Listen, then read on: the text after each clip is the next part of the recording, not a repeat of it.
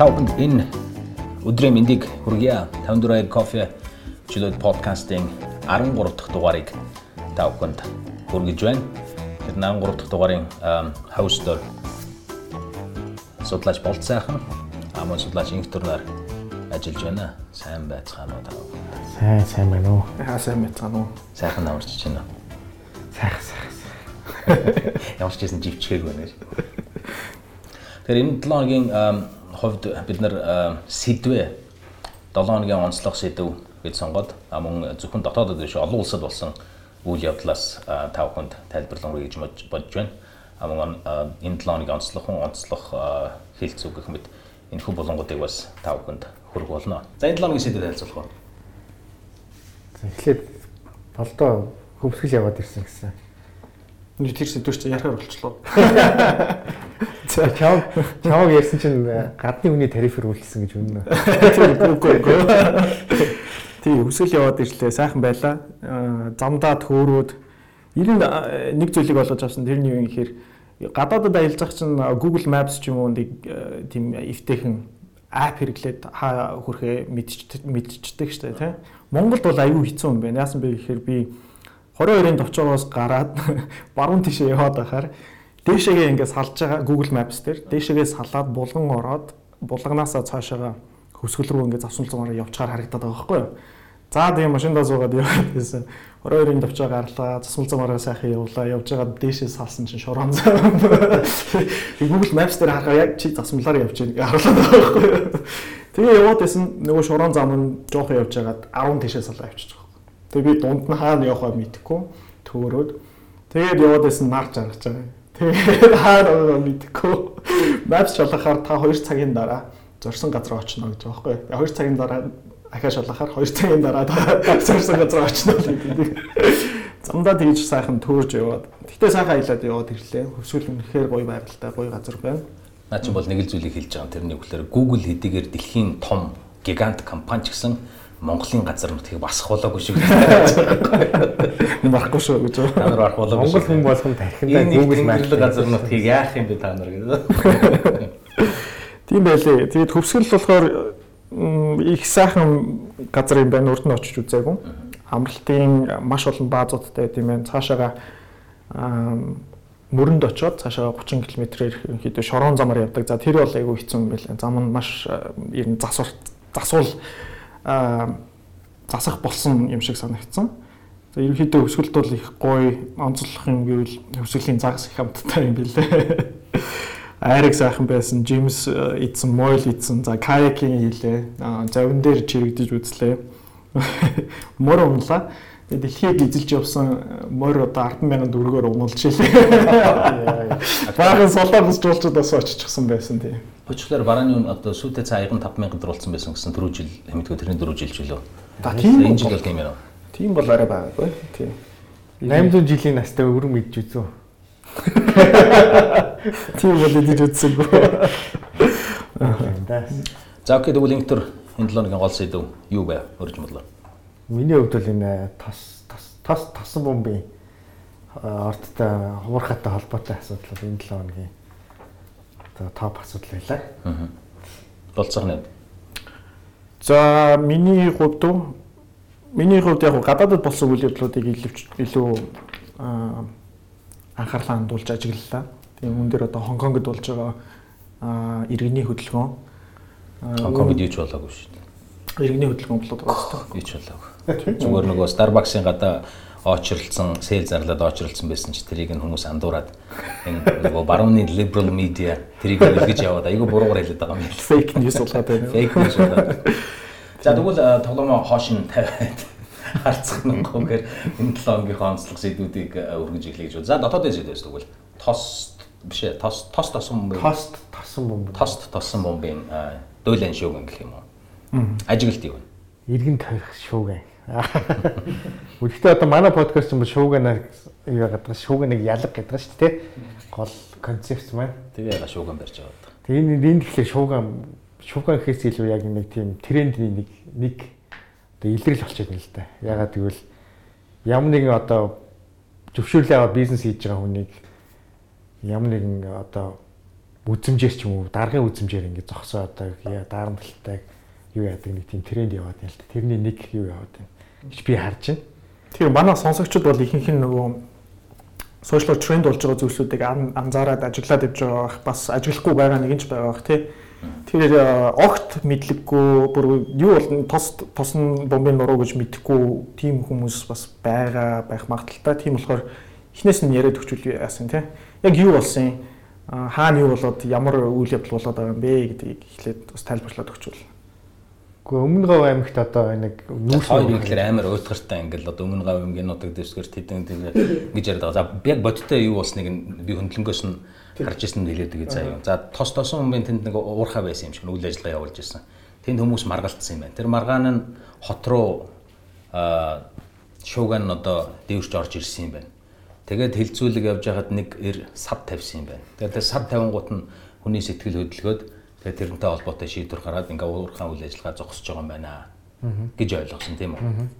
За окей. За одоо цаашаа явцгаая. Зүгээр би одоо хүрээлэн боо орчны менежментээр бас номын доо сонссон юм аа. Ямар ч ямар ч өөрийгөө магтаас нэр. Хийцэн юм. Ингээ хэлэхээр. Тэр углуургаар нь өөрийгөө магтаж байгаа байдал бол үнэхээр жишг сор болсон залуу. Би тэгтээ хайр хайр сонсноо хэлээг байгаа шүү дээ. Хэлэл бүр амар юм болох юм өмнө зүгт. Алс бүр бүр холын өмнө зүгт. Монгол дэвшгээд архич зөө. Зүгээр ерөнхийдөө надад яг энэ процесс яаж явдгийг дэлхийд тий уул уурхайн процесс. За ингээд нэг одоо хайгуул лицензгээ за энэ баялаг байна энийг ашиглая гэд. Тэр хамгийн түрүүнд нөгөө нэг environmental and social impact assessment гэдэг юм боيو. Нийгэм буюу нийгэм хүрээлэн буй орчинд үзүүлэлт нөлөөллийн үнэлгээ заавал хийх хэрэгтэй бүх засгийн газар тийм хийлгдэг. Монгол хийгдэг үстэй. Хийгдэг. Аа тэгээд тэрүүгээр яад юм. За энийг энэ ордыг ашиглавал хүрээл экологт ямар нөлөө үзүүлэх юм бэ? Ортол нөлөө үзүүлдэг үстэй. Тийм тэгээд нутгийн иргэдэд ямар нөлөө үзүүлэх юм бэ? За нөлөө нөлөө нь хэрвээ гаж нөлөөнүүд байгаа бол тэрийг нь энэ уурхаа яаж яаж одоо багасгах уу? Митигейшн хийх үү гэж ярьж штэ. гэдэг юмар хийгээд тэгээд тэрийгэ засгийн газарт өгдөг байхгүй. За манайх ингээ уурхай аюул ийм ийм нөлөөтэй байна. Тийм нөлөөг бид нар ингэж ингэж ингэж засах чинь. Аа тэгээ нутгийн иргэдээ тэр 3 4 удаа хилцүүл хийж байна. Тэгээ нутгийн иргэд бид нар энэ юм болчлаа. Уурхай ухвал та нарыг үж бодож ингээд нутгийн иргэдийн санаа бодлыг яваад ингээд нутгийн иргэдтэй ингээ бас нэг тийм тохироо яагаад тэгээ тэрийгэ засгийн газартайгаа засгийн газар нь үзээд үнэхээр энэ уурхай одоо хор нөлөө те эколог болон нийгэмд үзүүлэх хор нөлөө нь үр ашигаас илүү байх юм бол лиценз олохгүй. Хэрвээ бага байх юм бол лиценз олгоод тэрний дараа бол тэр уурхайг одоо яг л хууль дөмөө зөрчиж шүүхэр шийдвэр гаргахгүй бол тэр уурхай ингээд үйл ажиллагаа явуулаад тэрийг нь гол нь тэр нөгөө нэг үнэлгээнийхээ дагуу тэр хийсэн үнэлгээнийхээ дагуу бүх юм хийж ийн үгүй гэдгийг хяналт тавиал явж идэг. Тийм процесстэй. За Монголд яадаг вэ? Монголд бол хүрээлэн боо орчны үнэлгээ хийлэгдэг. Гэтэ энд бол ихэнхдээ бол зүгээр ёс төдий. Яг журмын дагуу хийж байгаа цөөхөн компани байгаа. Тэр нь ихэнхдээ гадаадын хөрөнгө оруулалтын компаниуд. А дотоодын юмуд яадаг вэ гэхээр зүгээр ихэнх үнэлгээ хийдэг компаниуд бол байгаль орчны яамны дарга нарын одоо одоо нөлөө бүхий компаниуд байдаг. Тэгээд ямар ч юу хийсэн тэгээ мөнгөө төлөхөөр хэдэн сая төгрөг төлөхөөр баланкн дээр за ямар нэг үнэлгээ одоо нөлөөлөг вэ гэдэг бичиг гаргаж өгдөг. Тэрний дагуу лиценз олгодог. А энэ дээр бол нутгийн иргэдийн нөгөө санаа бодол нийгмийн нийгмийн нөлөөлийн үнэлгээ бол хийгдэхгүй байна. Тэгээ асуудал үүнээс үүдэлтэй юм уу тийм? Би бол нэг нэг одоо асуудал эндээ байгаа юм болоо гэж байна. Ягаад гэвэл эхлээд нутгийн иргэдтэйгээ уулзаад тэднийд ямар нөлөө тэдний нийгэм эдийн засаг одоо тэр малчтын одоо тэр мал аж ахуйд нь ямар нөлөө үзүүлэх үгүй гэдгээ сайн яриад мэдээд тэр талаараа ямар арга хэмжээ авах уу гэдгээ тодорхойлсныхаа дараа уурхаага эхлэх учраас уурхаа нэгэнт эхэлсэн ингээд лиценз яваад хөрөнгө оруулалт аваад эхэлсэн хойно тэнд ямар нэг ингээд орон нутгад асуудал үүсэхээр яадгүй. Одоо нэг хүн дарбаатлаа болдог ч юм уу нэг асуудал ингээд гараад ирж байгаа байхгүй. Зөвхөн сонсогчтой нь юуны асуудлын гол эзний талаар яг бол сошиал дээр бас нэг мэдээлэл явж байсан шүү дээ. Уйлж исэн нөхөр маань янгэнтэл уйлж исэн. Яг уйлах нь тэр хүний эрх а ойлгохгүй байх нь ч ирэх өөрийнхөө үзэл бодлыг илэрхийлэх нь ч бол тэр үнэ. Гэхдээ энэ сошиал дээр гаргаад тавьсан мэдээлэлээс харахад бол Чойжо ухтаа Цогтбаатар гэдэг өөр одоо өрсөлдөгч компани гэж хэлж болох юм уу да одоо тэр 3 тэс сумын нутагт үйл ажиллагаа явуулдаг хятадын хөрөнгө оруулалт аж авахланд ороод компаниас цалинждаг юм байсан. Тэгэхээр зүгээр нутгийн иргэд гэж үзэх юм уу? За яг тэр юу гэж хэлжсэн яаж хэлжсэн нь бол энэ бол 2 дахь 3 дахь асуудал.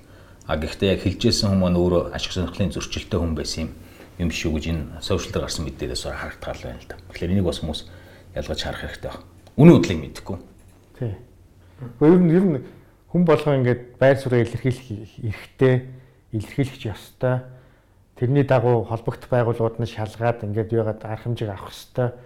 Хамгийн гол нь зүгээр нэг хүний үгээр ч юм уу ингэж үг хийгээд бүхэл бүтэн компани үйл ажиллагааг шир доорн ингээд зогсоох бол миний хувьд бол одоо нөгөө хууль тий хууль төрд амьдарч байгаа хүмүүсийн хувьд бол энэ бол айгүй бизнес халгаатай үйл явдал болоод нь л гэсэн үг л дээ. Тэгэхээр саяны үйл явдал маань тэгэхээр яг яг яг юу гэсэн үг ерөнхийдөө утгаараа. Би бол яг мэдгүй. Би тэр тэр юун дээр газар нь очиж үзээчүү тэр уурхааг нь мэдэхгүй тэр газар нь э, өмнө говь аймгийн 3 тис сумын тэр тэр тос тосон бомбын нуруунд дээр бол очиж үзээгүй.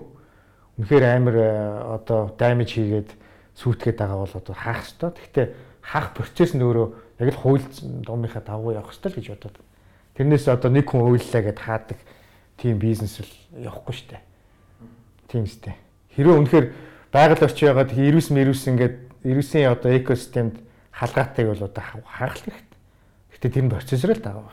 Гэтэ нэг сонирхолтой санагдаад байгаа юм нь болохоор аа жоохон судлаад үзсэн чинь энэ өмнө говь аймгийн 3 дэс сумд за энэ тос тосон бомбын нуруу гэдэг энэ газар нутагт ойролцоогоор хэд гэсэн бэ? 10 гаруй компани байгаа юм шиг байна тийм үү? Компани гэж одоо ордууд уурхаанууд ажиллаж байгаа. Цагаана дахиад 4 5 уурхай аж ахуй нэгж үйл ажиллагаа явуулъя гэдэг дөрвөлөө өгч гсэн хүлээж байгаа гэж байгаа юм байна л да. Яг гэтэл бол эндээс бол нэг компаниг нь сонгож аваад ерөөхдөө шийтгэж гсэн юм шигээр тий ингэж харагдаад байна гэсэн мэдээлэл явж байна л да. Тийм. Тэгэхээр энэ дээр бас их сонирхолтой санагдсан. За ер нь яг шийдсэн процессыг нь ярих юм бол ерөнхий сайд маань гүйцэтгэх засаглалын тэр өгүүлэгч маань сайдуудыгаа болон цагдаагийн тагнуулын удирдлагуудыг суулгаж хагаад ерөнхийд нь үүрэг өгөөд а тэр уурхаан компанийг яг нэр дуртаад лицензийг нь цуцал а тэгвэл үндсэл нь бол нутгийн иргэд ингэж хэлж байна. Нутгийн иргэд ингэж хэлж байна. Дээрээс нь одоо ингэж бид нарыг ахуулах гэж оролцсон байна гэж уйлж байна. Энийг яагаад шалахгүй байна? Лус авдаг хилэгнүүлсэн байна. Тэ? Энийг одоо шалгах хэрэгтэй гэдэг ийм ийм байдлаар ингээд хэлж байгаа шүү дээ. А тэрнээс одоо хуулийн за хуулийн тэдийн тэдийн тэд тэр хуулийн тэдийн тэдийн тэдэг зөрчсөн. Ингэж ингэж байсан гэдэг юм нэгт сонсонгүй. Үүнийг бол нэг гадны нөгөө нэг э, гадаад орнуудад за таны сурчсан газар ч юм уу хөгжилтэй газар болохоор шүүхэн хийдэг юм шиг байна тийм үү? Хууль зөрчсөн юм уугүй юм уу шалгаад шүүхэн шийдвэр одоо чинь нутгийн иргэд ч юм уу байгаль орчны яамнаас за энэ уурхаа үйл ажиллагаагаа зогсчихно гэвэл одоо эхлээ мэдээлэл өгдөг юм уу те энийг зогсоог хэрвээ зогсоохгүй бол шүүхт өгөөд шүүхээс энэ бол хууль бус үйл ажиллагаа явуулж чинь хаа гэдэг шийдвэр гарах юм бол хааж байгаа штэ. Процесс л одоо уул нь ингээд хуйлтаа оронд ингэж яваад байгаа байхгүй. Тэгэхээр зүгээр миний яагаад байгаа юм бол одоо нэг тренд үүсчээд байна. Ямар нэгэн одоо нэг хүмүүсийн анхаарлыг одоо сошиалор ч юм уу ямар нэгэн байдлаар нэг бизнес руу аваачаад тэнд нэг одоо турал цуглаан ч юм уу жигсаал хийгээд тэнгуут л ерөнхий зайдан ч юм уу ерөнхийлөгч ч юм уу ямар нэгэн том дарга энийг шийд цуцал бойл улсад дав зогсоо гэдэг үүрэг өгөөд ингээд цаашаа явдаг нэг юм юу үүсчээд байгаа байхгүй. Тэгэхээр эн чинь бол нөгөө төрчин институцийн хувьд ингээд хуулийнхаа дагуу ингээд процессор явах хэрэгтэй шүү дээ. Тэрний оронд зүгээр нэг юм хувь хүнээс хараат нэг хүний үзмжээр үзмжээр хувь хүний үзмжээр явдаг юм төр болчиход байгаа гэдэг чинь айгүй хортой үзэгдэл байхгүй. Тэгэхээр одоо ерөнхий сайд юм ерөнхийлөгч юм уу улсын хурлын даргын хин нэгэнд таалагдаагүй бизнесүүдийг бол зогсох бүрэн боломжтой болчихж байгаа байхгүй. Тэгэхээр бүх бизнест ямар мессеж ирж байгаа гэхээр энэ төрийн томчуудын одоо үзэмжинд таалагдах ёстой. Таалагдахгүй бол хизээч нэг өдөр ингээд таны бизнес үйл ажиллагаа зогсох боломжтой шүү гэдэг мессежийг өгчөж байгаа. Тийм учраас тий энэ чинь докторгүй бизнесийн хувьд бол докторгүй байхгүй том хувьд ч те. Тэрнээс одоо нэг түүц мүц дэлгүүр мэлгүүр дээр чи яахгүй л ахalta ерөнхий сайд маань. Гэхдээ тэгэл нэг хүн нэг хүнд ингэж ягаал уйлал ингээл сошиалэр явлаа. Том дарга наатах бойл гэж хэллээ. Ингээ боллоо.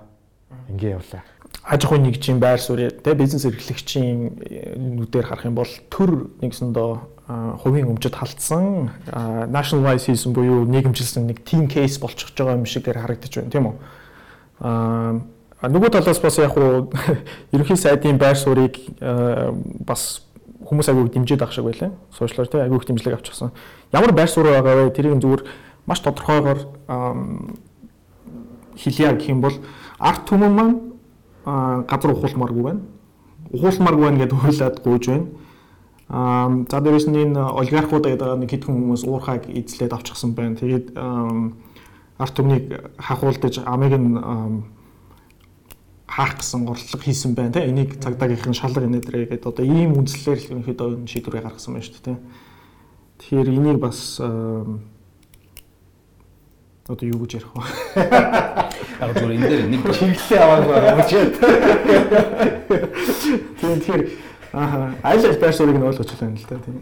Уу яг зүгээр энэ дээр нэг маргааны гэхээс илүү түрүүний чинь хэлдэг одоо хамгийн анхны кейс уучлаа гэж юм уу тийм хэрэг бол биш шүү. Анхны кейс биш шүү. Нэг кейс болоод явчихлаа гэж. Аа ямар ч байсан хувийн хөвшил хөвшлийг хажуу дэш нь болгоод төр өөрөө орж байгаа кейсүүд бол тренд үүсчлээ гэж төрөөгийн төрөний хэлдэг бол зүг баха. Зүгээр миний энд хэлэх гээд байгаа санаа нь гэхээр монголчууд өөрснөө уул уурхайн салбарыг бол хүссэн ч хүсээгүй ч хүлээн зөвшөөрөөд дэмжиж явах хэрэгтэй. Энэ бол зөвхөн энэ саяны маргаантай холбоотой биш. Энэ болон ирээдүйд гарах бүх зүйлийг бодохдоо шийдвэр гаргахдаа уулуурхайн салбарыг дэмжиж явах хэрэгтэй гэсэн үг байхгүй юу. Тэрний үгээр хүссэн ч хүсээгүй ч за одоо бид нар ингээд нөгөө ерөнхий мэдээлэл харахаар Монголын нутаг дэвсгэр дээр маш их хэмжээний уул уурхайнууд уурхайнууд нээгдэл тэгэл онгочид төнгөчөл явж байгаа гэхээр хараад үзэхлээр бол яг нийт нутаг дэвсгэрийн чинь 5% нь л үйл ажиллагаа явуулж байгаа дээ. Яг статистикээр аваад үзэх юм бол 5%. Миний хэлж байгаа даа биш үндэсний статистикийн газраас гаргаж байгаа гэх юм бол. Тэгэхээр яаж юм гэхээр нийт нутгийн чинь 5% үйл ажиллагаа явуулж байгаа мөртлөө дотоодын нийт бүтээгдэхүүний чинь 60 давцсан хувийг бүрдүүлж байгаа. GDP-ийн 30% юм шүү. Гүг тэр бол 2014 оны тоохгүй юу. Яг өнөөдрийн буюу 2019 оны байдлаар гэхээр дотоодын нийт бүтээгдэхүүний чинь 60 давцсан хувийг зөвхөн уулуур хаан салбар бүрдүүлж байгаа байхгүй. Энэ маань юу гэсэн үг гэхээр эмчнэрийн цалин, багш нарын цалин, зэрэг цагдаагийн албан хаагчдын цалин, сургуулийн халаалга, тэтгэвэр тэтгэмж төрийн албан агчдын цалин бүгдийг нь уул уурхайн салбар бүрдүүлж байгаа. А тэгсэн мөртлөө энэ тэмдгүү ингээд ухаад байгаа мөглөөр нийт нутгийн чинь 5% нь л үйл ажиллагаа явуулж байгаа. А тэгээ яагаад энэ дээр одоо ийм маргаантай юм гараад ирэх гэхээр үнэхээр одоо мөнгөний асуудал яригддаг учраас ингээд сонирхолт татхаас өөр аргагүй гэж мэрэгжлийн жагсагчд нь орж ирдэг баг. А мэрэгжлийн тэмцэгчд нь орж ирдэг баг. А нин жанр нь орж ирдэг баг. Тэгээд эдгээр чинь өөрснөө яаж яах гэхээр аль болохоор энэ салбарыг чинь одоо компаниудад бол миний бодлоор бол одоо юу гэж би бол хувийн хвшлийг бол юу гэж ямар ч үед дэмжин л дээ. Зөв ажиллаж байгаа тохиолдолд. А тэгвэл хувийн хвшил дээр яаж ийм гэхээр үнэхээр тэд нарыг ямар нэгэн байдлаар ингээд нэр хүндийг нь муу болгодог, харагдуулдаг ийм юм кейс л яваад багчлаа л. Энэ дээр зүгээр би одоо яг хуваараа одоо энэ ерөө голын тэр авир бас нилээд явжсан. Тэр авир л амар штэ. Мин жанрыг ухаж байгаа тэр ерөө тэр авчин бол аюу гой хангаах. Наад дээр ч харин ялгаа байхгүй. Яг нөгөө тэд нар бол ерөөсөө зөвшөөрөл авсан компаниуд нь тийм тийм хийгээд байгаа мó эсвэл нинжа нар зөвшөөрөлгүй э, гар аргаар олборлагч нь хийгээд байгаа мó гэдэг дээр л хариулт өгсөн байна. Нэгдүгээр одоо тэр э, нинжа нар бол нутгийн иргэдээс юу ч асуудаггүй. Хоёрдугаар тэр хүмүүс татвар төлдөггүй. Гуравдугаар тэр хүмүүс нөхөн сэргээдэггүй. Тэ? Дөрөвдүгээр тэр хүмүүс байгаль байгалыг бол зүгээр амар болгодог. Жохон явж байгаа л тэр нэг жижиг уулын горхон дээр нэг экскаватор ирсэн ингээл трактортай хэдэн хүмүүс ухаа сууждаг. Тэнд бол ямар ч төр байхгүй. Тэр бол яг wild wild west буюу одоо яг Америкийн баг зэрлэг барууны үе яг тэр тэр байждаг хгүй. Байн байждаг. Тэн дээр бол хэн ч үйлдэггүй, хэн ч суглаа хийдэггүй, ямар ч дарга тэрийг хайхдаг. Яагаад хайхдаг вэ? Мэдгүй. Би нэг ерөнхий сайд нин чанарыг юу байлаа гэд хаа гэж яхийг сонсож байгаагүй. Тэг миний хувьд л зүгээр харахад тэр хүмүүс л илүү байгаль орчинд хамаагүй илүү хор охиролтой байгаа байхгүй. Тэ? Тэр хүмүүс бол татвар тэр одоо ухаад олсон алтаа бол зүгээр цэвэр өөрх нь ашиг штэ. Тэрээс нэг нэг хувийг төлөхгүй. Зүгээр авчаал тушаагаал мөнгө авчдаг. Тэнд бол мөнгө ус цус тэр юу цайнад манид бол амар авчдаг. Гэтэ тэнд ямар ч одоо хөдөлгөөн иргэний хөдөлгөөн очиод жагсаал хийдгүү зогсоо гэж шаарддаггүй. Тэгэл ингээл байж. Би зүгээр өөрхөө яг нүдээр харсан нэг хийсэл байлаа шүү дээ. Ерөө иргэний хөдөлгөөний иргэний хөдөлгөөнийхөө одоо жишээл ерөө дээр яагаад очиод яадгүй. Жагсаал хийдгүй. Мэд би тэрийг өстой мэдгүй. Тэрийг зүгээр юу гэж бодож байна яагаад. Үгүй яг очиход хоол үйд юм уу хэцүү байдаг ч магадгүй яагаад асуултаас тойроод. Тэгээ Хонконгийн премьер шиг тийм үгүй гэж хариултаа. Тэгээ чиглэлээ аваагүй байл. Сүүлийн 2 3 подкастын дугаар явж явж байхад хамгийн анх удаага болцоохон ихтер хоёр хоорондоо тулгаралт хийгээд. Үнэхээр дандаа санал нийлээ. Самсаа шархэр маа. Үнэхээр бас өөрөө шинэ. Вигээс надад бас сонирхолтой санагдсан ажиллагдсан зүйл нь юу гэхээр одоо энэ лицензээ хураалгуулсан компани South Gobi Coal Trans гэсэн баха тийм компани лицензийг нь анх бол э, улс их хурлын гишүүн сангийн сайд байсан би чойжл сурангуй худалдаж авч ирсэн юм байна тий. Өөрийнх нь ярилцлага нь хүртэл байлгүй манайхан сонсогч нар маань очиод үзэж болно, уншиж болно. 3 сая 600 мянган доллараар худалдаж авч ирсэн цааш нь зарчсан. Одоо үйл ажиллагаа явуулж байгаа нь бол тусдаа компани. Надад бол баг хамаагүй ухааны э, тийм л мэдээлэл мессеж өгсөн байсан л та. Тэгээд энэ дээр яг уу манай гэрсүү сонсогч нар санаж байгаа бол 11 сард 2008 оны 11 сард жижиг дунд үйлдвэрийн зээлтэй холбоотой улс төрийн хямрал үүсээд ерөнхий сайдыг огцруулъя гэдэг за нэг 20 хэдэн гишүүн санал төвшүүлжсэнийг санаж байгаа. Үүн дунд гарын үсгээ зураад явжсэн гişүүд гişүүдийн нэг нь бол чойжулсан байсан. За энэ үеэр тухайн үед хилцүүлэг хийгдээд ерөнхий сайд маань өөрийгөө хамгаалаад засгийн газраа байр сууриа хамгаалаад олон олон нийтийн өмнө телевизээр бас хилцүүлэг хийжсэн тийм улсын хурал дээр очиж гсэн гişүүдээс асуулт асуугаад хариулаад явж байхад хэлж байсан. Тэр үед бол ерөнхий мессеж нь бол Монголын ордуудыг хитгэн баян олигархууд аваад эзэлчихсэн байна. Тэгээ та нарын хөрөнгийг бол төрөнд хураанаа. За үүн дээр бол номтой хоёр гишүүнтэй бол хэрүүл хэрүүлэх юм зөв номтой хоёр гишүүнтэй бүр номтой хоёр гишүүн би 30 гэр бүлийн чинь нэг нь юм уу биш юм уу гэхэд мөө гэд яриад явж байсан. Тэг гэх мэтлэн ерөнхийдөө миний ажиллаж байгаагаар бол ерөнхий сайдын зүгээс Монгол Улсын засгийн газрын зүгээс баримталж байгаа энэ ордуудын ордууд дээр ямар бодлого явуулах вэ гэдгийг нь ерөнхийдөө тодорхой болоод хэлж байгаа юм болов. Энэ том ордуудыг энэ лицензүүдийг цуцлах тиймэрхүү тийм нийгэмчлэх ийм тренд тренд харагдаж байна гэдгийг л одоо би илүү дэлгэрэнгүйгээр тайлбарлаж байна л да. Тэгэхээр огт мэдгүй байж байгаа гівгэнд гараад ирчихсэн асуудал бол биш юм шиг байна. Тэгээд явандаа үргэлжлэх л байх л та. Тэр тусмаа сонгуул ортож байгаа үеэр энэ дээр гэхдээ би бас нэг э, зүйлийг хэлмээр байд юм а. Тэрний үгээр за сонгуульч байна уу, улс төржилч байна уу, эсвэл өмнө нь ийм болж исэн, тийм болж исэн гэж ярихаас илүүтэйгээр яг одоо бид нар ч өнөөдөр монголчууд өөрснөө яг энэ улс орнд ямар суур зарчмаараа явах юм бэ гэдгээ харах хэрэгтэй л байхгүй юу? Одоо яг суур зарчим гэхлээр нэг хитрхи номын ч юм уу эсвэл хитрхи нэг тийм философик сонсогдоод байж магадгүй л энэ чинь юу хийж болох юм юу хийж болохгүй гэдгийг л тодорхой болгочихвол гэсэн үг шүү дээ. Одоо жишээлбэл үндсэн хууль дээр бол аль хэдийн заагаад өгсөн байгаа. Төрийн эмч гэж байна, хувь эмч гэж байна. Хувь эмч гэдэг нь одоо эвдэрхий тэрэгнээс хавуулаад нэг муу яажгыг таавчиг хүртэл хувь эмчл байгаа шүү дээ. Тэгэхээр энийг нь төр өөрөө хамгаалах хэрэгтэй болж байгаа байхгүй. А зарим кейс дээр бол яаж юм гэхээр одоо өнгөрсөн жилүүдийн хамгийн дуйлаантай кейс гэж ярьдаг эрдэнтэр бол нэгэн жил явагдсан. Энэ дээр эзэнийн цагт хүмүүс бол харамсна.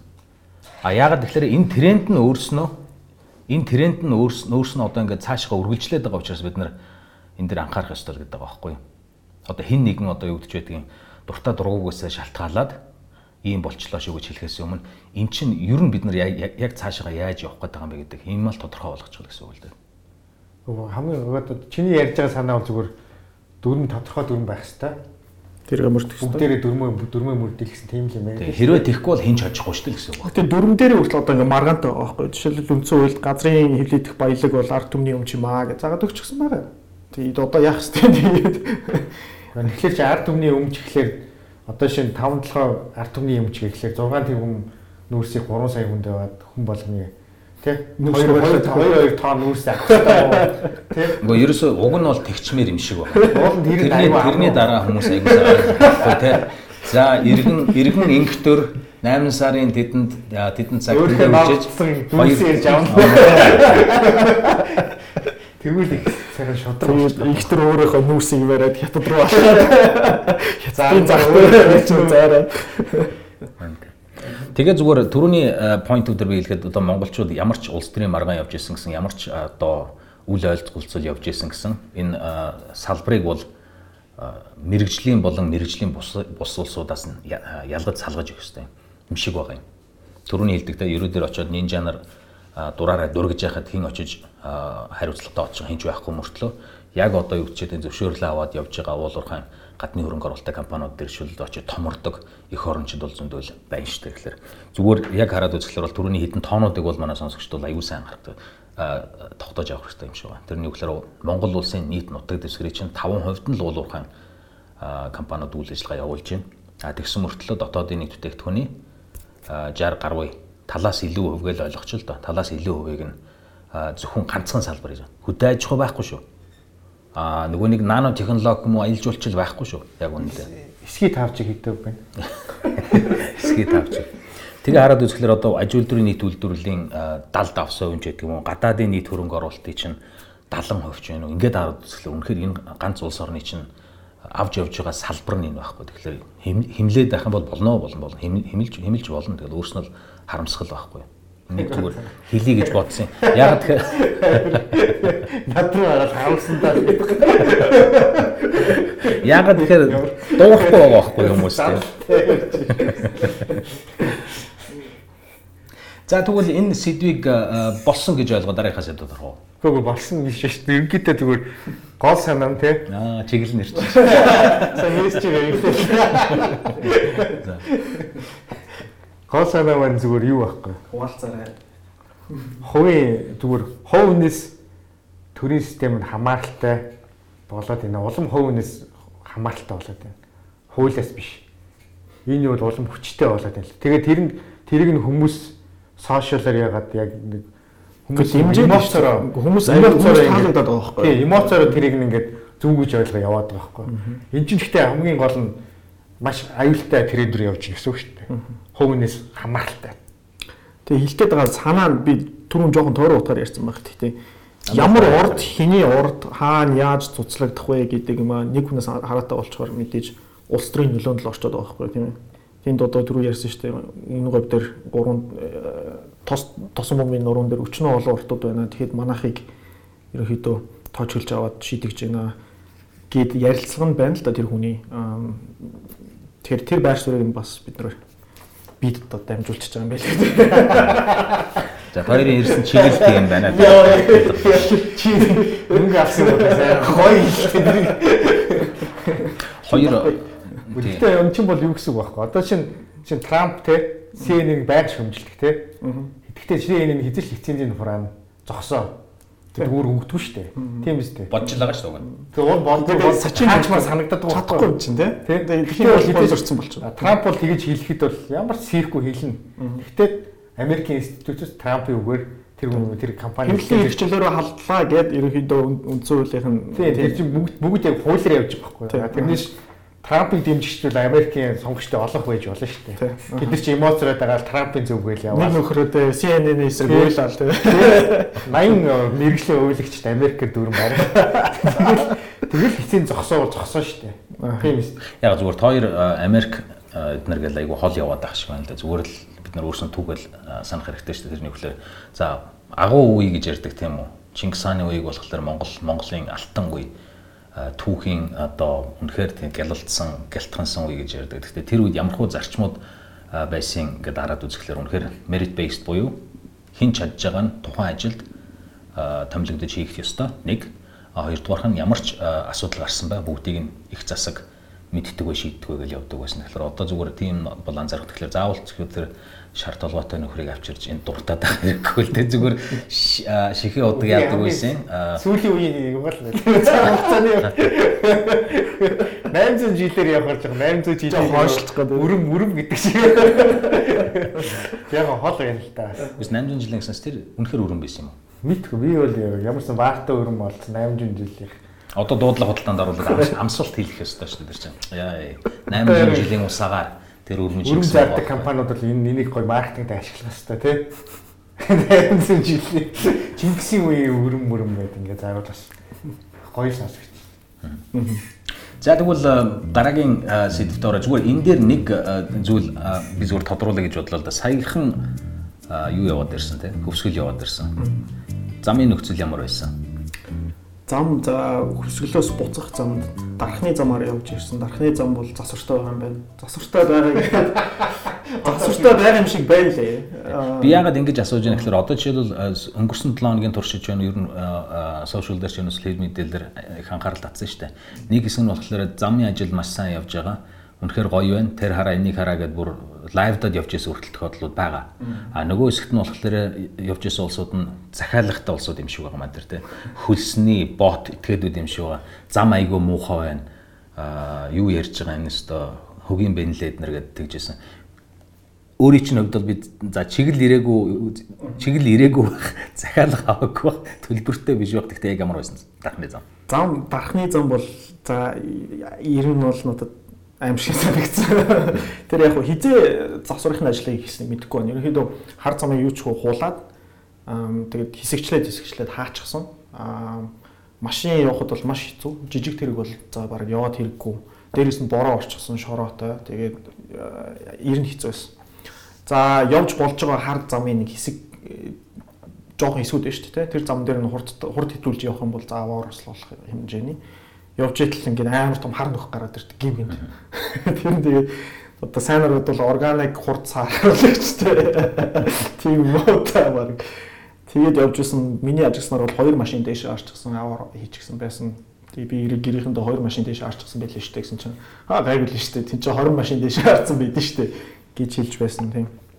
Энэ дээр ягаад одоо жишээлбэл би айгүй тийм хурц бөгөөд ихтгэл үнэмшилтэйгээр маргаад байгаа юм гэхээр саяхан манайхны за одоо яг шууд нэрийг хэлгээ болио л да тийм манай телевизийн хувьд гэж ярих юм бол бас осолтгон орсон байхгүй юу? А тэгээ хараад үзэхлээр бол эн чинь хайхрамжгүй дэдлэр хайхрамжгүй кейс л яваад байгаа юм л да. Хүмүүс болохоор юу гэж харж байгаа гэхээр энийг шүүмжлэхийн тулд шүүмжлэн. Тийм биш шүү дээ шууд болон шууд ус кост нь асар их болоод байгаа. Шууд кост нь ихлээр хүний амнаас. Зам тээврийн яамныхны хэлж байгаагаар бол 69 хүн дархны зам дээр нас барсан байна гэж байгаа. Энд чинь багтаа биш. Нэгдүгээр. А хоёрдугаарх нь юу гэж юм гэхээр шууд бус кост нь юу гэж юм гэхээр дархан явж байгаа эн чинь эдийн засгийн судас буюу тэрүүгээр хойдлоос орж ирж байгаа бараа бүтээгдэхүүн хүнсний зүйл одоо юу гэдэг юм бүгд бүгд л байгаа шүү дээ. Логистикийн хувьд юм бол энэ чинь маш ач холбогдолтой зам багхгүй. А тэгээ хараад үзэхлээр нэгдүгээр тэр нь удаашрж байгаа. Хоёрдугаарт тархны замаар явж байгаа жолоочдын хувьд машин тэрэг нэвтрэн шүү дээ. Энэ чинь шууд бус кост байхгүй юу? Бас гэж байгаа дугуй нагарчдаг эсвэл ямар нэгэн байдлаар манай монголчууд ч бас дэлхийд дэлхий дээр хамгийн бат бөх мундаг сайн чанартай машинууд бол одоохондоо байхгүй байгаа шүү дээ. Плюс тэд нар- сайн билий. Плюс бол сайн билий. Тэгтэл левдэрч байгаа тийм үү. Тэгэхээр тэр костыг хэн хариуцах юм? Нэгдүгээр шууд замаа тавьж байгаа костос гадна шууд болон шууд ус гэхээр хүний амнаас нөгөө жолоочдын хармаанд шууд орж байгаа мөнгийг хэн хариуцах юм гэдэг асуудал дээр айхтар хариуцлагагүй юм явж байгаа байхгүй. Тэгэхээр энийг бол зүгээр яг өөрийн зөвхөр аль нэгнийхэн талд орлогогүй бид нар бас а, шудраг шаардлага тавиад явах ёстой л доо. Тийм миний хувьд бол Монгол улсын ерөнхий ерөнхий сайд ерөнхийлөгч улсын хурлын даргын хамгийн гол Гэхдээ тэгж заавал өндөрлөхөд яваад байх ш. Зүгээр зөвхөн зам чиглэлээ ярьчих хөө. Зүгээр л зам барьж байгаа улсууд зам төвшөнд. ярьж. За ойлголоо. Ямар хэцүү. Ямар ч даргын үед хамгийн номер 1 юу бол Монгол хүний амь л байх хэрэгтэй. Монгол улс. Тийм учраас Монгол хүний амийг хамгаалах нь бол хамгийн нэг номерын ажил байх. А тэрнээс тосон бомбын ирүүс чухал. Тэ? Гэхдээ ирүүсээс илүү Монгол хүний амь бол хамгийн одоо үнэтэй байх хэрэгтэй. Тэр утгаараа бол энэ тархны замаар би өөрөө явж үтсэн аймар гэсэн. Үнэхээр яг яг амь насанд бол аюултай төвшөнд хүрсэн байлээ.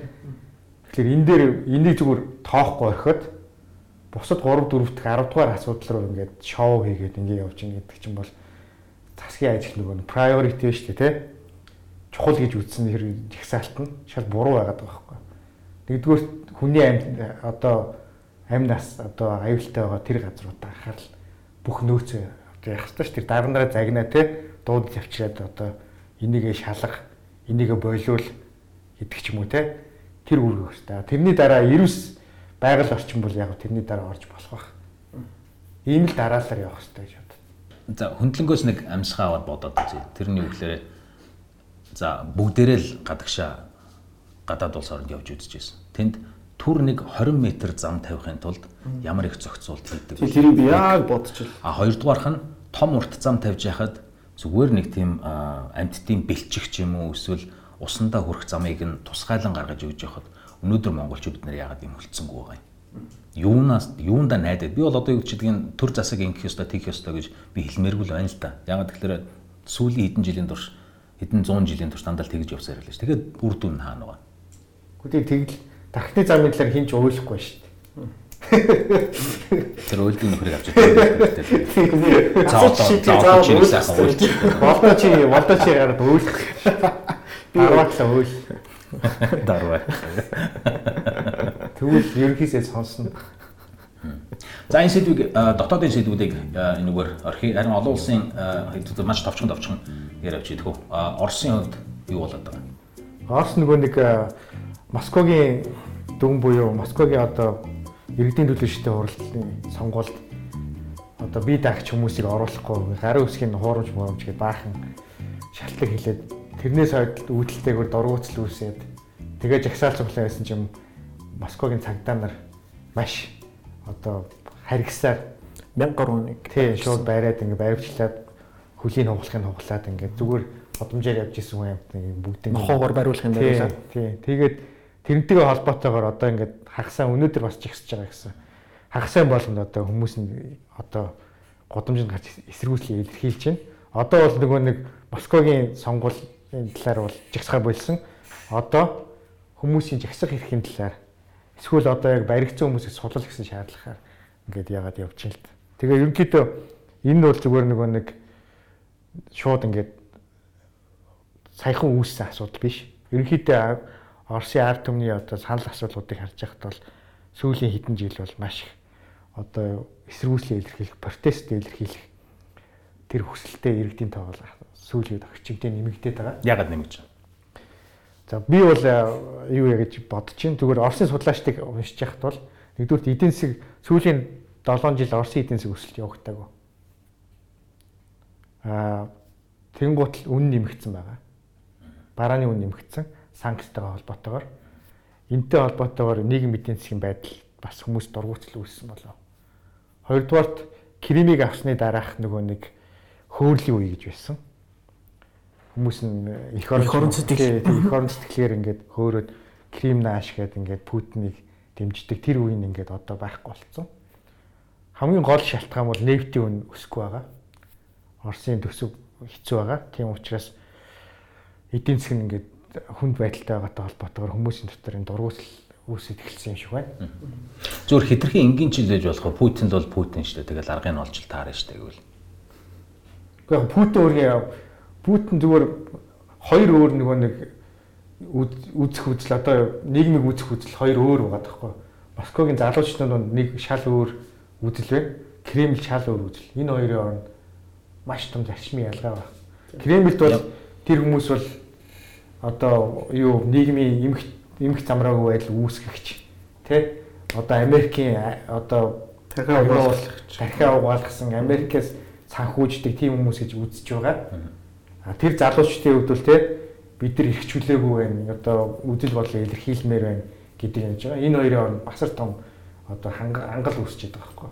Тэрний зөрчил яваад байгаа. Тий.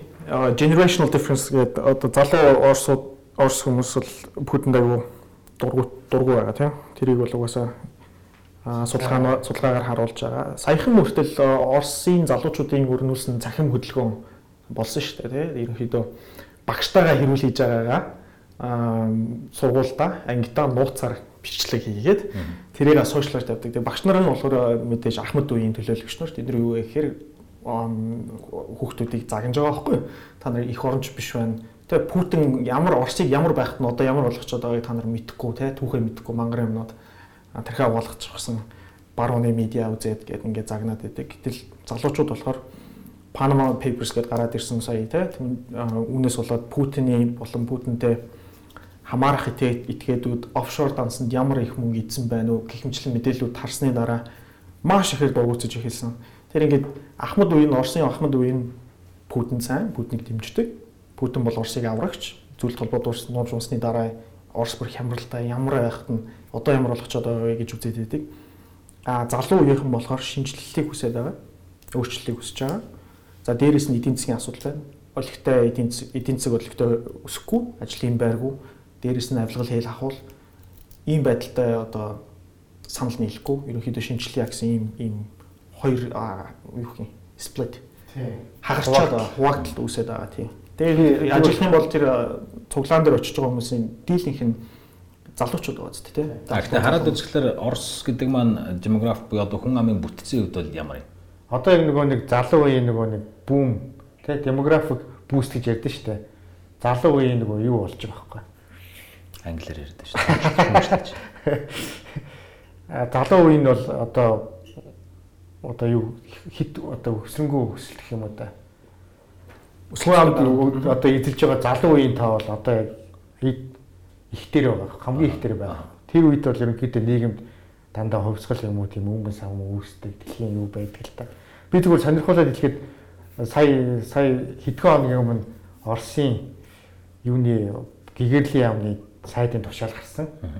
Тэрүүгээр одоо эрдэм шинжилгээний ажил одоо байгууллагад ажилладаг хүмүүс гадаад иргэнтэй уулзахтаа тэр талаараа тайлан бичиж өгөөд уулзж байгаа гадаад иргэнийхээ паспортын сканыг өгөх ёстой. Паспортын сканертад копидод тэрийг ингэ өгөх ёстой. Яамда. Тийм журам гаргасан. Тоглоог үзтээ. Тоглоог яг үнэ. Яг үнэ гэсэн юм. Тэгэхээр зүгээр кофе уусан ч хамаагүй. Тийм хамаагүй. Яг уулзж байгаа л бол тэрийг байх хэрэгтэй. Ямар асуудлаар яах гэж уулзж байгаа, энтэй уулзж байгаа тэр хүнийх нь э, юуныхын паспортын холбороо ингэ өгөх хэрэгтэй байхгүй. 12 цагаас хойш үл яах вэ? Хамаагүй. Тэгэхээр ерөнхийдөө энэ энэ энэ тушаараас харахад Орос нөхцөл байдал ямар байна те? Тэр нь бол одоо мэдгэж байгаа те. Тэгэхээр энэ бол яг нөгөө нэг зөвлөлт толгойд болсон юм юу вэ? Ингээд буцаад яа харахгүй явчлаа. Тэ? Гэхдээ асуудлын хамгийн гол нь дийлэх үг гэдэг байна шүү дээ, тийм үү? Гэхдээ өөртөө ард ард иргэдийнхээс дийлсэн төр зэсгэж байхгүй шүү дээ. Гадны хүмүүс гадны одоо халахыг зогсоосаа юм улсууд бол байгаа. Гэхдээ ард түмнийхээ юу зогсоос уусгаж байхгүй. Үн дээр за дараагийн сэдвийг ярий гэж бодож байна. Хонгонгд юу болоод байгаа юм бэ гэхээр Оростой нэг ижлөвтөр зүйл нэхэр Оросод одоо залуучууд а Путинийг эсэргүүцсэн жагсаал цуглаан хийгээд үүмэн самд дэгдээгээд байгаа шиг. Хонконгод иргэний хөдөлгөөн бий болоод одоо 2 3 сар болж байна тийм. Иргэний хөдөлгөөн, иргэний хөдөлгөөн гэхэлэр Батцаанд санаад байгаа. Дунд нэг Батцаанд шигаар савчсан явж байгаа юм бол тэгээд надад би бол Хонконгийг дэмжихгүй тэгвэл. Хонконгод юу болоод байгаа хэрэг хөвчлэн залуучууд байсан л да. Гэтэ нэлээд олон нийтийг хамарсан тийм маш үнэхээр сүртгэхэр хэмжээний том хэмжээний 2 сая мая хүн гарч жагсаал цуглаан хийж явах шиг байсан сарын өмнө те. Аа юун дээр жагсаад байгаа юм бэ гэд хэр аа эдэн сарын өмнө Хонконгийн засгийн газраас шинэ хууль батлах гэж парламентд оруулж ирж пропоз хийсэн. Тэр хууль нь бол ерөнхийдөө Хонконг хүмүүс гэмт хэрэгтнүүдийг гэмт хэрэгүүлсэн этгээдүүдийг одоо юу гэдэг нь extradition газрын газрын хятад руугаа хятад руугаа явуулж ялтанд солилцох шилжүүлэх лөө. Тий. Тэгээ тэр энэ хуулийг санаачилсан шалтгаан нь болохоор Хонконг хос Тайванд амарч байхдаа хүн амны хэрэг хийчээд буцаад Хонконг руугаа зугтчихсан. Тэгээ буцаад нөгөө хүмүүсийг хариуцлага тооцъё Тайван руу явуулъя гэдгээр тийм хууль байгаагүй. Ялтан солилцох хууль байгаагүй те. Ийм шалтгаанаар ерөнхийдөө шалтгаан гэж хэлэх юм да болоод оруулаад ирсэн. Гэтэл Хонконгчууд болохоор энэ хуулиар дамжуулаад Хонконгийн тусгаар тогтнолд та Хонконг ч бас Английн колон байсан учраас арчилсан дотоодоо сонгуулаа хийдэг чөлөөтэй. Хоёр систем нэг улс гэж яваад байна тийм. Тэр хятадын салшгүй нэг гэсэн тийм хэлэх ёстой. Тийм хятадууд хүлээж Англиас Английн засгийн газраас хүлээж аваад хүлээж авахдаа ерөнхийдөө амлалт өгсөн шүү дээ. Тэр нь болохоор бид нэр та нарын хэдэн хүртэл лээ 2050 он хүртэл лөө.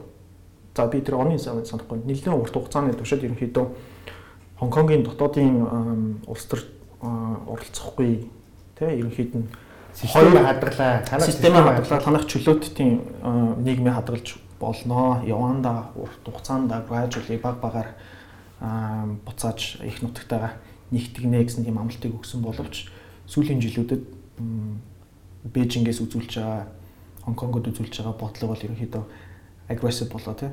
Байнга оролцохдаг тийм болсонтой холбоотой. Хонконгийн иргэд бол маш их санаа зовлонсон байсан. Тэгээ энэ хуулийг санал дэвшүүлснээр Хонконгчууд бол эсрэгүүцэж гарч иж гудамжиндаа гарч хуулаа тат эргүүлэн тат а за бүр сүултээ Хонконгийн премьер ажиллаа өг гэсэн ийм шаардлага тавиад явж байгаа. Хариуд нь яаж байгаа гэхээр янз янзын сонирхолтой юм болж байгаа тийм. Хуулийг бол ерөнхийдөө төр зогсооцсон байгаа шүү. Төр зогсооцсон байгаа. Гэхдээ ахиж оруулж ирэхгүй гэсэн амлалтыг өгөхгүй байгаа. Энэ дээр бол маргаантай. За дээрэс нь хятадын саяхан гимт хэрэгтнүүд те underground world одоо юу гэдэг тэрийг? Мафтай холбоотой тийм хулигаануудыг гэх юм уу да. А жагсаал цуглаан хийж байгаа хүмүүс рүү тавьсан тавьсан гэх юм одоо юу гэх юм дайруулсан тийм дайруулсан нөгөөдөл нь жагсаж байгаа хүмүүс рүү хүчрхийл хэрглэж дайрсан зодсон тийм бичлэг сошиалор яваад асуудлыг улам хурцтуулж байгаа ийм зүйл бол болж байна. Одоо тэгэхээр гол эрсдэл нь юу болоод байгаа? Гэхдээ тэн анимыг барахж болохгүй гэдэг л асуудал шүү дээ. Тийм үү? Тэгээ Тянмин манай мэдгүй байгаа залуу сонгох сонсогч нар байгаа.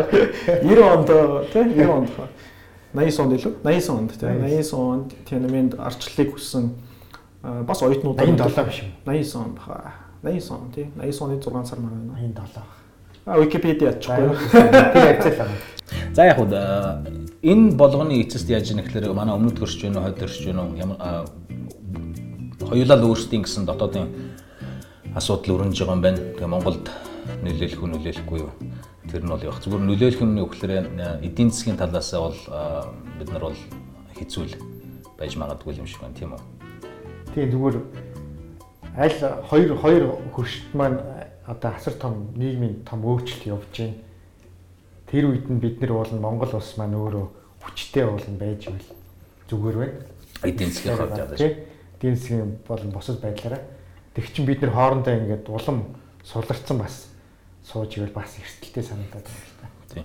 Нэгэн дурдсных бас юун дээр энэ дээр нэг маш товчхон 2 минутын хугацаанд ч юм уу тэрнээс богино хугацаанд ч гэдэг нэг апдейтыг бол өгөх хэрэгтэй баг. Тэр нь өглөө за бид нар хойд төршиг ярьлаа эдийн засгийн байдал сайнгүй байгааг ярьлаа. Өмнө төршиг ярьлаа. Тэр нь эдийн засгийн хавтал дээр бас нөлөөлж магадгүй яриа. Гэхдээ яг эдийн засгийн хямрал гэдэг бид нар оны ихэнх хаврын үеэр нэлээд их гаргаж тавьж ирсэн бол одоо энэ бүх ер нь индикаторуудыг хараад үзэхлээр эдийн засгийн хямрал маань улам ойртцсан байж магадгүй тийм шинж тэмдгүүд бол аягүй их гарч иж гэдэг бол харах хэрэгтэй байна. Нэгдүгээр тэгвэл одоо хятад ч юм тэр бүх гар утасны хэрэглээ, худалдаа, зээл олголт гэх юмнууд бүгдээрээ удааширсан байдалтай байна. А энэ маань яа Монголд яаж нөлөөлөх вэ гэхээр нөгөө манай эдийн засагч нэрөөсө гурван зөвлөлөр л байгаа гэдэг чинь нэг нь юу гэхээр гадаадын хөрөнгө оруулалт. За энэ ямар байдалтай байгааг бид нар мэдж байгаа. Түүхийд түүхийдийн үн ханш хятад руу зардаг. Бид нар өөр хаашаа зарах арга байхгүй. Аа тэгээд валютын аншиг. Валютын аншиглаар аваад үзэхлээр одоо э, юаны аншиглаар 378 380 хүрсэн байна л да. Тэр 80-аар Тэгээ яагаад юан чинь үнд орохлоор Монгол нөлөөлөл гэхэлэр бид нар чинь ихэнх юмаа л дандаа юанаар л урдаас авч байгаа шүү дээ. Тэгэхээр Монголд үн ханш өсөх хамгийн гол суурь нөхцөлийг гэдэг тавиад байгаа байхгүй. Тэгэхээр за юан өсчлөө хятад тийм байна. Аа эргээд одоо юу гэж байдгийг долларын ханш одоо 9 сар гарахад маш их эрэлттэй болж эхэлдэг. Тэг эрэлтэх гэснэ гэдэг чинь маань ханшил үүснэ гэсэн үг шүү дээ. Ингээд аваад үзэхлээр төгөөд яна ханш, эрэлт юаны ханш, долларын ханш гэдэг. Тэгээд дээрэс нь аваад бусад ер нь нөхцөл байдлууд аваад үзэхлээр бүх Америкт байгаа эдийн засагч төр болж байгаа үйл явц энэ төр Хятад Америкийн худалдааны дайнаас үүдж гарч байгаа нөлөөнч төр ихлээр Монгол улсын хувьд бол бас эдийн засгийн хямрал маш ойрхон ирчээд байгаа юм байна шүү. Одоо бол нөгөө хаана хямрал гэж хоёрын хооронд тудлаа маяглж явж ирсэн дөрвөл хямралдаа бэлтгэх цаг бол яхахгүй болсон байна гэдэг бол сонсогчдод хэлэх хэрэгтэй байх уу?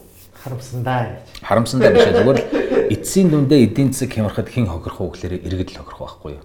За одоо жишээлбэл оюутлогын хувьцаа унлаа унлаа гэдэг яг хүмүүс эн чинь над дээр яаж тусах юм бэ гэхээр ойлгохгүй шүү дээ. А зүгээр оюутлогын хувьцаа гэдэг чинь Монголын эдийн засагт үзүүлж байгаа нөлөө хамгийн том төслүүдийнх нь нэг нь худалдан авалтанд багасна, ажлын байр багасна гэдэг аваад үзэхлээр оюу толгой руу олон улсад нэр үнэтэй хувьцаанд доогрох юм бол санхүүжил босгож чадахгүй байхгүй. Тэгэхээр одоо түүхэн доод хэмжээндээ оюутлах хувьцаа болчиход байгаа. Аа 47 цент Америкт. Тэг ингээ хараад үзэхлээр эн чинь цагийн сайханд одоо хэдэн хэдэн доллар хүрч илээ? энэ хавцаа чинь? 27 байсан баха миний буруу санааг бол. Тэгээ ингээ хараад үзэхлээр аль хэдийн одоо хэдэн тэрбум доллар оруулсан байгаа үлээ тэнгууд одоо оюутлогоо маркет капыг аваад үзэнгүү чинь тэрбум доллар хүрэхгүй болсон байгаа шүү дээ. 940 орчим. Тэрнийх нь одоо 30% нь бидний өмч шүү дээ. Уул нь бол.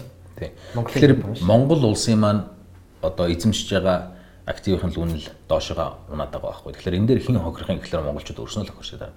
Тэгэхээр одоо юу ч гэдэг нь аа Муриа Тинтогийнхан хувьцааны онцлоо баярлалаа ураа ураа гэж ашиглаад байх шаардлага байхгүй. Тэгэхээр иймэрхүү юмнуудыг хараад гол санаа нь юу гэхэд байна гэхээр цагийн байдал биштэж шүү, хямрал ойртож шүү, бэлтцгаагаараа одоо энэ попролтой жоохон болцоогоороо жоохон хоримтлаа бодоод мөнгө цааш нь хийж аваарай ч гэдэг юм уу. Иймэрхүү юмнуудыг бас сонсогчд иргэдийн хувьд бол бодчихлах хэрэгтэй л дээ эдийн засгийн хямрал улс төр улс төрд нөлөөлдөг тийм сонгуулиуд удахгүй болох гэж байна. Парламентын сонгуул дараа жил болох байх.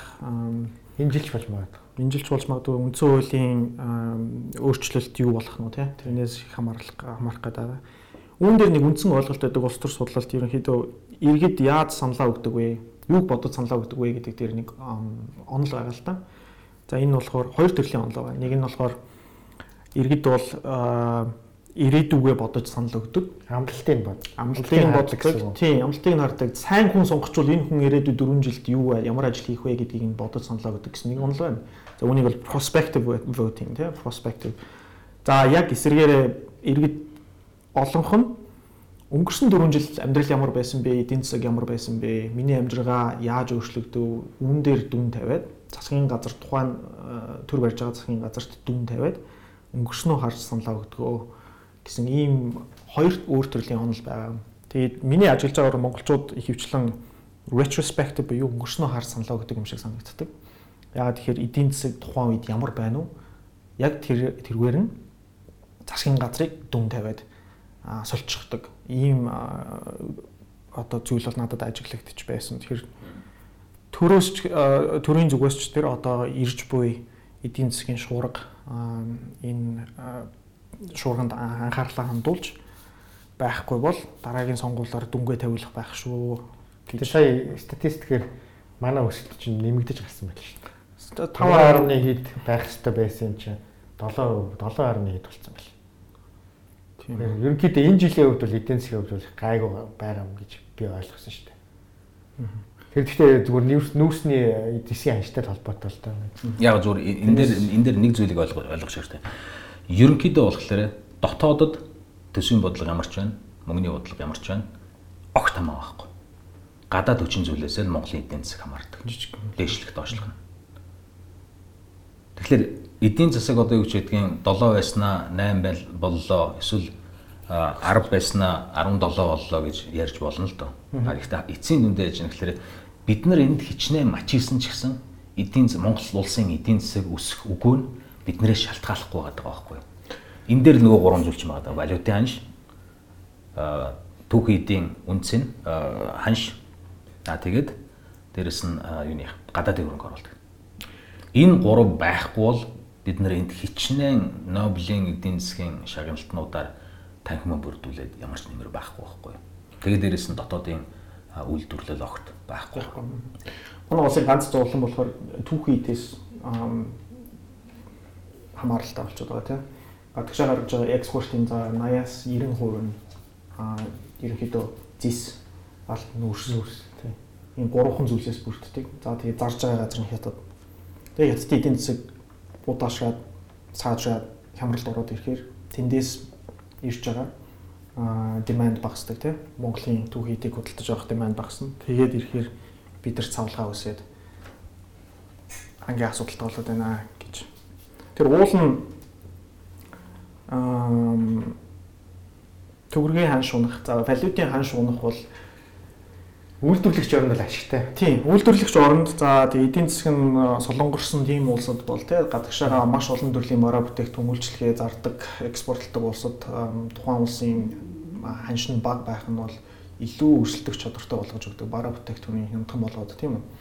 Энэ зүгээс ч тэр одоо Орос дээр юм дээр Америк дээр хятад дээр жишээ аваад үзэхээр худалдааны 8-ны дайн зарлаад байгаа шүү дээ. Тэгэхээр Трампын зүгээс хятадыг дандаа шудраг бус unfair байна.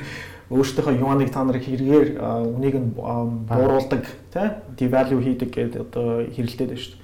Гэтэл Монголын зовлон юу гэхээр биднэрт үйлдвэрлэл байхгүй уул уурхаан дээр ерөөсөө суурилж байна. Тэгээ энийг одоо ийм манай сонсогч нар мэдчихэж байгаа байх. Одоо бид нар яах вэ? Тий. Чигэл ирсэн юм биш тэр нуулахыг хамгаал гэсэн тийм үү? Тэгээ сая хөвсгөл яваад явж байхад надад санагдчихсэн э, төрсэн сэтгэлүүд байна л да. Хөсгөл бол үнэхээр сайхан байгальтай, эко бараа бүтээгдэхүүнтэй. За тэнд бол жуулчд бас очиж байна. Аа аялал жуулчлалаар хөгжих маш том бол боломж байгаа ч юм байна. Тэрийг ч өөрөөсөө ярьдаг юм байна. Өсвөл аймаг бол одоо уул уурхай гэхээс илүү аялал жуулчлалаар хөгжнөө гэд надтай уулзсан хүмүүс ярьж л байхын. Гол нь надад анзаарчихсан зүйл нь юу байсан бэ гэхээр хөсгөл рүү явхад маш их өндөр өртөгтэй байна. Тэ? Аа болдог бол хөсгөлд одоо олон улсын том онгоцны бодол бариад Японоос Солонгосоос шууд нислэгээр жуулчдыгаа авчруул. За тэгээд агарын тээврийн өртгийг 300 доллар 400 долларт багтааж чадах юм бол нөгөө доошоо тэгээ зүүн даад руу аялаад Бангкок, Таиланд, Вьетнам, Филиппин гэдээ явдаг жуулчдын тоо одоо наашаага ирдэг ч юм уу тийм хөсгөл рүү явах боломж байна. Байгалийн үед үнэхээр сайхан За дээрээс гэхдээ хэдүүлээ нэг э, уучлаарай ингэж байна. Хэдүүлээ нэг тийм одоо аялал жуулчлалыг шүтсэн юм одоо болж идэх хүн. Яа гэвэл тийм санагдаад байгаа байхгүй. Одоо Монгол юу гэж юм гэхээр хөдөө аж ахуй хөгжүүлэхлээр ингээд Монгол улс баяжаад мундаг болох юм шиг. Эсвэл аялал жуулчлалаа хөгжүүлэхлээр Монгол улс баяжаад явчих юм шиг. Яг одоохондоо бодит адил бол тийм биш шүү дээ. Хөвсгөлийг хараад Монгол хүний сэтгэл хөдлөх тэр мэдрэмжийг өөр гадны ямар ч хүн олж авч чадахгүй байхгүй. Яг ч энэ дээр бол би бүрэн итгэлтэй. Яг тэгэхээр би тийм зөндөө гадны жуулчтай уучлаарай. Швейцар хөвсгөлөөс магадгүй үзэгсэлэнтэй байж магадгүй. Ингэж хэлснээр магадгүй би буруутч магадгүй. Гэхдээ харуулсандаа та. А тэгтээ Монгол хүн бид нар өөрснөө л Монгол нутгаа харж сэтгэл хөдлөдөг байхгүй юу? А түнс харьцуулаад ирэхлээр одоо юу ч юм сэгсжүүлж 2 3 цаг аваачаад нэг одоо босоо чулуун хөшөө үзүүлэнгүүтээ вау гэж уучлаарай тэгж хэлэх юм бол байхгүй. Тийм учраас бид нар бодиттой сэрээд бодиттой зүйлүүдэл ярих цаг нь болцсон л доо. Яг тэгэхээр аялал жуулчид Монгол улсад хэдэн төгрөг олж ирэх юм. Одоо за хамаа алга тийм онгоцны үн 1000 долларыг учраас үнэтэй байна гэдэг. За тэгвэл 100 доллар болгох чинь хэдэн хүн орж ирэх юм. Тэр хүн нэгж өдөртөө хэдэн төгрөг зарцуулах юм. А тэрнтэй харьцуулахад бид нар энд байгаа уул уурхаагаа хөгжүүлээд дотоодоо нэмэн үртэг шингээсэн зүйл хийгээд ядаж одоо юу ч гэдгийг зис байсан бол зисийн автан үйлдвэрлээд тэгээ бордыг нь гадагшин зарах юм бол хэдэн төгрөг олж ирэх. Ингээ харьцуулаад үзэхлээр яг үнийг хэлэхэд Монгол улсад өнөөдөр үүргэвч үүрсэн нэг шарт тулгаатай нөхөр хэрэггүй л байна. Би энэ дээр бас ингэж бодож байна л да. Зөвхөн уул уурхайг сонго эсвэл аялал жуулчлалыг сонгосон тийм энэ бол хоорон солонгормоор шүү дээ. Энэ бол хоорон ойлгож байна. Тэгвэл тэгээд дээрээс нь аль нэгийг сонгосон үг биш шүү. Тийм ч сонсогдоод. Аль аль их За өрсөлдөөнийг аваад байж тээ. Аль нь илүү чухал вэ? Чухал шиг. Хоёр ингээд амар бачуураад байгаа байхгүй. Миний зүгээр Миний хувьд хэлээд байгаа юм гэхээр дэлхийд юугаараа өрсөлдөж чадахын өнөөдөр монголчууд тэрэндээ л анхаарал тавьж байгаа байхгүй. Уучлаарай нано технологи байхгүй өнөөдөр нано технологиор хэдэн докторийн зэрэг хамгаалсан монголчууд мэдэхгүй байна. Одоо тэнгуут нөгөө би хамгаалсан чи юу ингээд гараад ирэх хүмүүс байх л байна. Сайн байна хамгаалсан бол. А тэрийг тэгээ бизнес болгоо явуул да. Ажлын байр бий болгол да. Татвараа өгөл дөө тэгвэл. А тэгж чадахгүйгээр өнөөдөр яг юу вэ гэхээр доллар олж ирж байгаа энэ тэтгэвэр тэтгэмжийг чинь тавьж байгаа. Одоо өвөл боллоо. Нөгөө нэг хөгшдөө чинь хүмүүсэл өвлийн бэлтгэлийг дулаалгыг юм хин төлж уулуур хахалт төлж байгаа шүү дээ. Уулуурхан компаниуд төлж байгаа шүү дээ. Энэ жанр төлж бас нэг орж ирдэ шүү дээ. За хэдэн харьцуулахад яадаг юм? Харьцуулахад багтал уулуур хаас. Харьцуулахад хамаагүй бага өтөрөө хамаагүй бага. Тэрийг ихсэх хэрэгтэй. Гэхдээ ихсэх ёстой. Тэгтээ яг одоо юу үгүй байхгүй юу? Тэгэхээр замаа хизээ хизээ хөвсгөр тэр яг надаас битгий асуу. Би мэдэхгүй. Тэгэхээр би сарааг нь хэлж өгöö шүү дээ. Одоо ингэ бод хөвсгөл за хөвсгөлөөр би зөвхөн хөвсгөлөөр шанаагач хийж болохгүй. Нэгээс бол уур гал цонх. Японд за би Японд амьдардаг тийм. Япон Хоёр ээжлээ би нэг яардаг. За нэг нь Австрал зарсан нөгөөх нь Японд. Японы 8 сар бол үнэхээр аимшигын сар байдаг. Тэнд цаг агаар ямар байдаг тийм. Чопор нохоо гаслан. 40 гараас хүрээд халуур халуун те хүмүүс нь амралтын байдалтай байдаг. За тэгээд хаашаа аялж болох вэ гэхээр Японд дотроо аялаа гэхээр цаг агаараа нэг ялгаа байхгүй тий. Хойш Хоккайдо явуул явна бас үнэтэй. Ихэнх хүмүүс хаашаа явж байна гэхээр за мөнгөтэй нь бол тэр Хавай Мавай гэдээ явдаг байх тий. Тв алгасаад явдаг.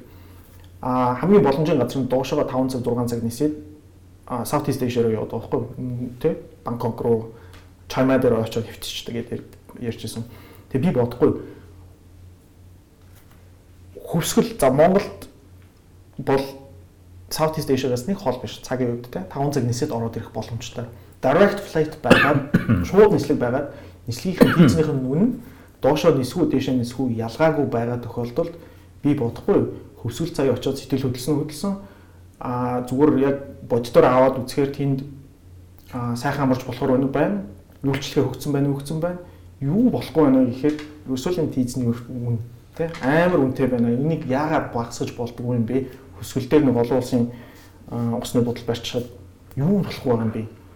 Мөнгө алаагүй шүү дээ. Тэр мөнгө чинь хин нинжанер өгөхгүй шүү дээ. Улуурхайн компаниуд л өгнө шүү дээ. Тэгвэл тэгээд тус тусламжаар тусламжаар бид нар чи Японтой яриад шинэ онгоцны буудлын нэрээр байгаа үст. Бид айлын болгон дандаа нэг айлын одоо хармаа хот ухаж явах юм. Айлын болгон дандаа гадныхны гуйж амьдрах юм. эсрэг. Аль жуулчлалын эсрэг биш ээ. Зүгээр л юу гэж юм гэхээр жоохон бодиттой байл гэж хэлээд байгаа байхгүй юу? Би бол аюу бодиттой л гэж бодоод. Аль жуулчлал бодиттой л гэж бодчих. А би за үнэхээр асуугаад байгаа бол хэлээд үг. За тэр нь юу гэж юм гэхээр аа хөвсгөл дэрх үнэтэй байгаа бол хамаа алга үнэтэй чигээрээ бай. Яадаг нь Швейцар очихоос үнэтэй байж болно шүү дээ. Тэр чигээрэл чанартай мөнгөтэй улсууд нь хурж ирээл нэг 7 хоног амарчаад явуг л дээ. Заавал ч тэгэж нэг 50 доллароос хитрхгүйгээр одоо хурж ирээд наран тул дээр кофе зарахад буцах зардлаа болоод байдаг юм тийм цагаан толгойтой шаардлагатай эсвэл одоо юу гэж байдгийг солонгос молонгос нөхдүүдээр яах гэдэг юм тийм биз хэрэггүй шүү дээ. За. Тэгсэнд орвол монголчууд миний хэлэх гээд байгаа нэг тэр монголчууд өөрснөө хармаагаа зузаатгаад дундаж давхаргаа ихсгээд тэгээд төвшгөлдөө очиж амьдрий гэж байгаа байхгүй юу? Амарх ч юм уу. Чиглэлээ алчлаа. Надад ирсэн чиглэл байгаа юм байна. айлч биш тэр тэгж л ярьж. А түнсэж одоо юу ч аялал жуулчид хэрэггүй ч юм уу эсвэл аялал жуулчид муха баба гэсэн бол огт биш шүү. Зүгээр л өнөөдөр талхны мөгийг олж байгаа нь уулуурхайн салбар байгаа учраас арай жоохон илүү их дэмжих ёстой болоод л гэж хараад байна. Ингэж хийсний төлөө тэнгэр гисгэвэл гисгэх ба. За энэ 7 хоногийн тэгвэл а, онцлог а, personality буюу хүн юм байв та гэдэг бодож байгаа. Өөртөө хүн л чинь а за окей. нэм даваа гэдэг хүмүүс шүү дээ чи. Тийм үстэй. Өөр хүн байна уу? Цос компанийн ажилтан. Тий. Нэм даваа.